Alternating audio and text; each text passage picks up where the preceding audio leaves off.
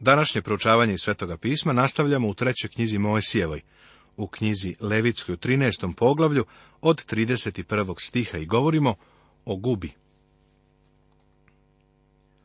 A kad sveštenik vidi boljeticu i opazi da na oči nije niža od ostale kože i da nema na njoj crne dlake, tada će zatvoriti sveštenik za sedam dana onoga na kome je ospa. Pa kad sveštenik sedmi dan vidi a ospa se nije dalje razišla, niti dlaka na njoj požutela, niti je na oči ospa niža od kože. Tada neka se obrije, ali ospu da ne obrije, a sveštenik neka zatvori još za sedam dana onoga na kome je ospa. I sedmoga dana neka sveštenik opet vidi ospu. Ako opazi da je se ospa nije dalje razišla po koži, niti da je na oči niža od ostale kože, tada će ga proglasiti sveštenik da je čist, pa ne kopere haljine svoje i bit će čist. Ako li se raširi ospa po koži, pošto bude proglašen da je čist, tada neka ga vidi sveštenik. Ako se bude raširila ospa po koži, neka više ne gleda sveštenik imali žutih dlaka, nečist je. Ako li opazi da je ospa ostala gde je bila i da je crna dlaka izrasla po njoj, zalečila se ospa, čist je i sveštenik će proglasiti da je čist. Tako ovi stihovi idu dalje i pokazuju da možda i nije reč o gubi. Ovde ponovo vidimo da je pre donošenja suda potrebno izvesno vreme i da se pacijent na sedam dana stavlja u karantin, pa onda opet na još sedam dana ako je potrebno. Ovo treba da nas poduči da optužbe protiv voćstva u Božijem delu treba primati uz veliki oprez. Pre nego što se donese odluka, treba da se sprovede pažljiva istraga. Svešteniku je data velika mogućnost da posmatra povredu. Ako bi se ta promjena kasnije proširila, sveštenik je još uvijek mogao čoveka da proglasi nečistim. S druge strane, ako bi na promjeni počela da raste tamna dlaka, sveštenik je čoveka proglasio čistim. Kad u čoveka ili u žene budu bubuljice po koži tela njihova, bubuljice bele, sveštenik neka vidi. Ako na koži tela njegova budu bele bubuljice male, bela je ospa. Izašla po koži, čist je. Ovi stihovi ističu da pege bubuljice nisu guba, iako guba može da izbije u vidu bubuljica ili belog osipa. Kome opadne kosa s glave, ćelav je.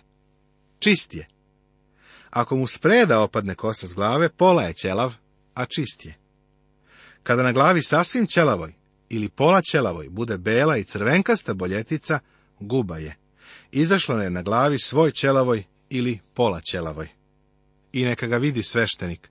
Ako opazi da je beo i crvenkast otok na glavi svoj ćelavoj ili pola ćelavoj, nalik na gubu po koži ostaloga tela, čovek je gubav. Nečist je i sveštenik će ga proglasiti da je nečist, guba mu je na glavi. Postupanje sa odećom gubavaca A gubavac na kom je ta bolest, neka ide u haljinama razdrtim i gologlav i usta neka zastri i neka viče, nečist, nečist. Odeću gubavca je trebalo pocepati. Morao je da pokrije usta i da viče nečist, nečist. Stanje gube se očitovalo u njegovom užasnom stanju. On je kontaktom mogao da prenese ovu bolest. Grešnik širi svoj greh gde god da ide. Njegova bolest je zarazna i prenosi se na druge. Jedan otac ima pravo da živi kako hoće, ali nema pravo da i svoga sina povuče upakao sa sobom. Mnogi očevi rade baš to. Gubovac je zagađivao sve što ga je okruživalo to ovdje saznajemo. Čak je i njegova odeća širila zarazu. Isto tako, sve ono što greh dotakne, grehom je i zaprljeno. Dokle je god bolest na njemu, neka bude nečist. Nečist je, neka živi sam, i za okola neka mu bude stan. Mnogi grešnici se teže rečima da će u paklu imati veliko društvo. Ovde zapazi da je gubavac bio sam, bio je odvojen. I ako na haljini bude guba, na haljini vunenoj ili lanenoj, ili na osnovi, ili na poučici od lana ili od vune, ili na koži, ili na čem god od kože, i ako boljetice bude zelenkasta ili crvenkasta na haljini ili na koži, ili na osnovi, ili na poučici, ili na čem god od kože, guba je, i neka se pokaže svešteniku. I kad vidi sveštenik bolest, neka zatvori na sedam dana stvar na koje je guba. I sedmoga dana ako vidi da se dalje razišla bolest po haljini ili po osnovi ili po poučici ili po koži ili po čemu god od kože, ljuta je guba bolest ona, stvar je nečista. Zato neka spali onu haljinu ili osnovu ili poučicu od vune ili od lana ili što god bude od kože na čem bude bolest, jer je ljuta guba, ognjem neka se spali. Ako li opazi sveštenik da se bolest nije razišla po haljini ili po osnovi, ili po učici, ili po čemu god od kože, tada neka zapovedi sveštenik da se opere ono na čem je bolest, pa onda neka zatvori opet za sedam dana. Pa neka vidi sveštenik, pošto se opere stvar na kojoj je bolest, i ako opazi da bolest nije promenila boje svoje, ako se i ne bude dalje razišla, stvar je nečista, spali je ognjem, jer je ljuta guba na gornjoj ili na donjoj strani ako li vidi sveštenik da se mesto smanjilo pošto je oprano, onda neka otkine od haljine, ili od kože, ili od osnove, ili od poučice.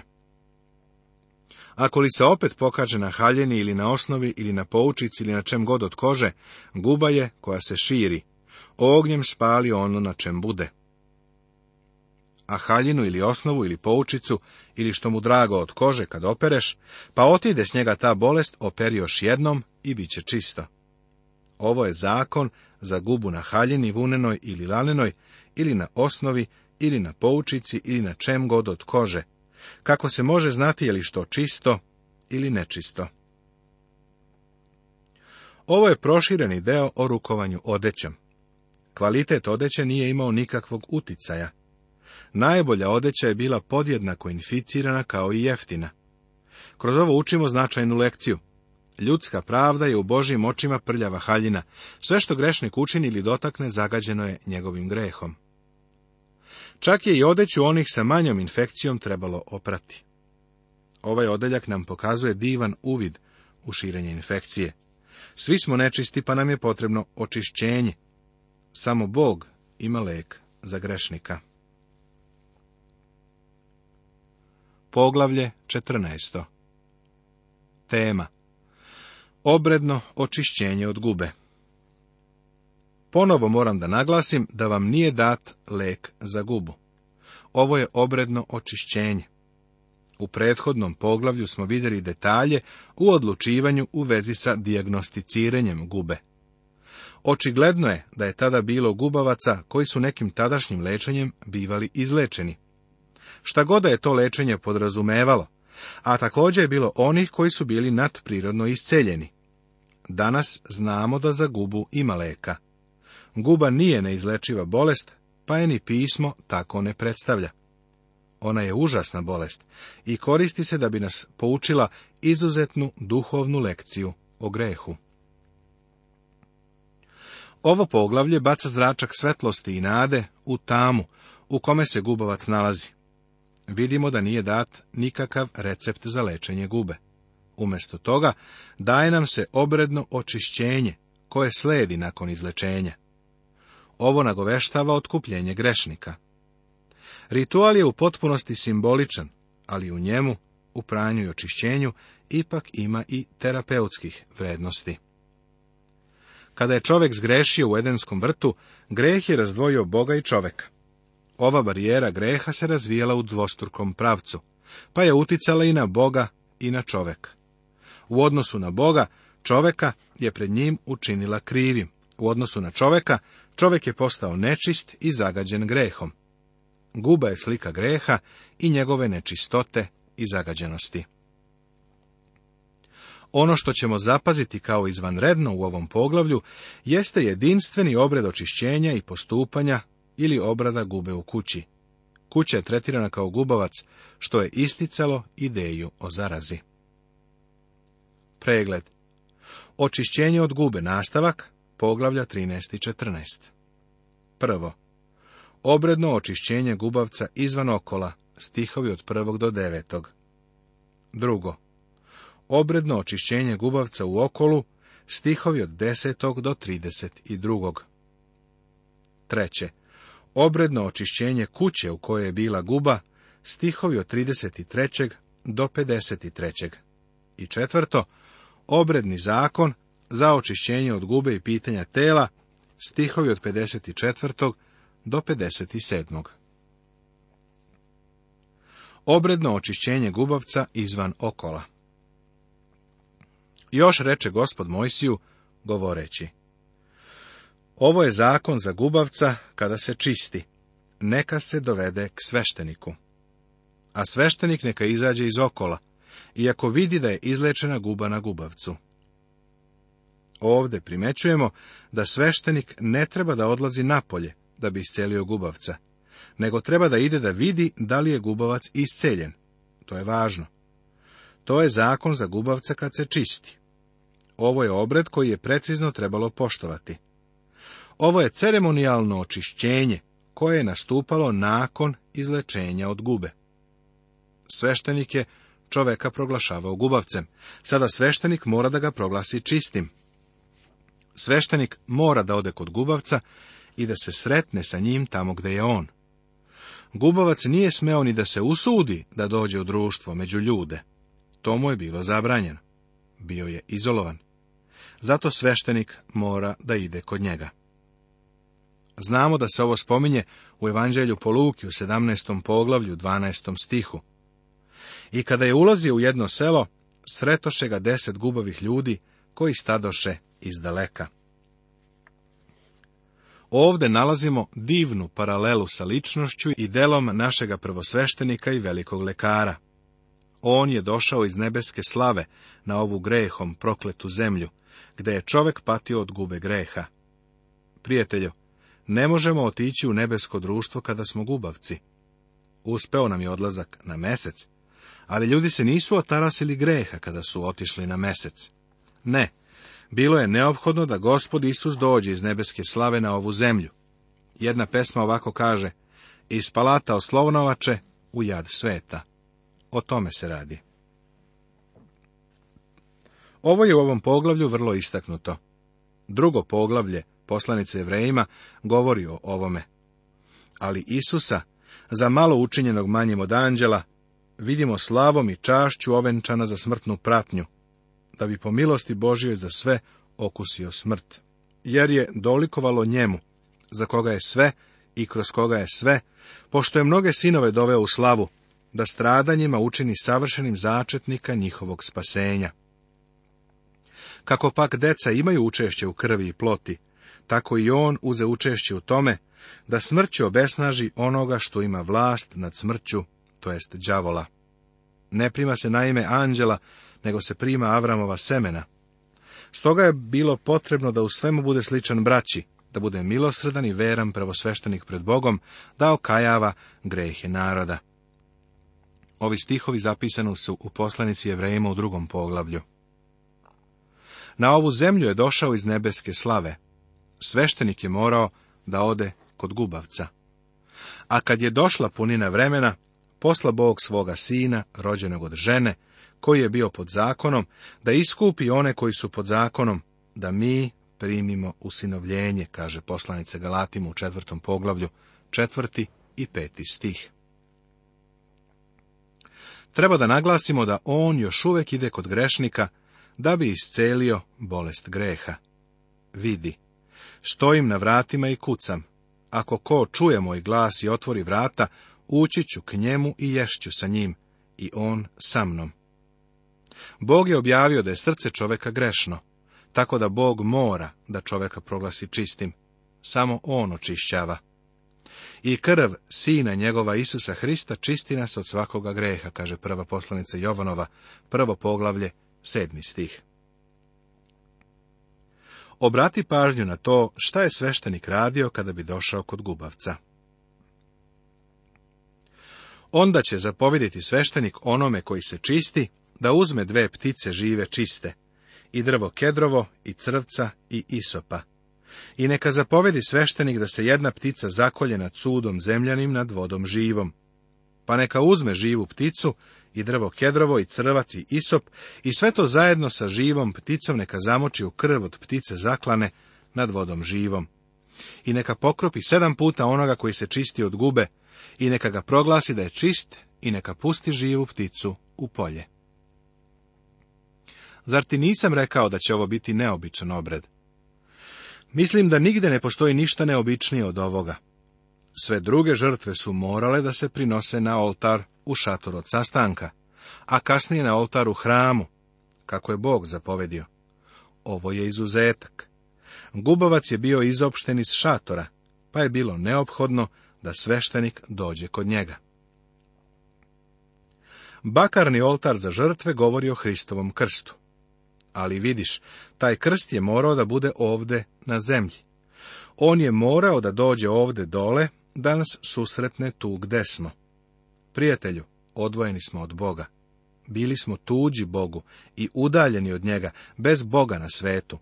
On je morao da dođe ovde, da nas susretne u našoj potrebi.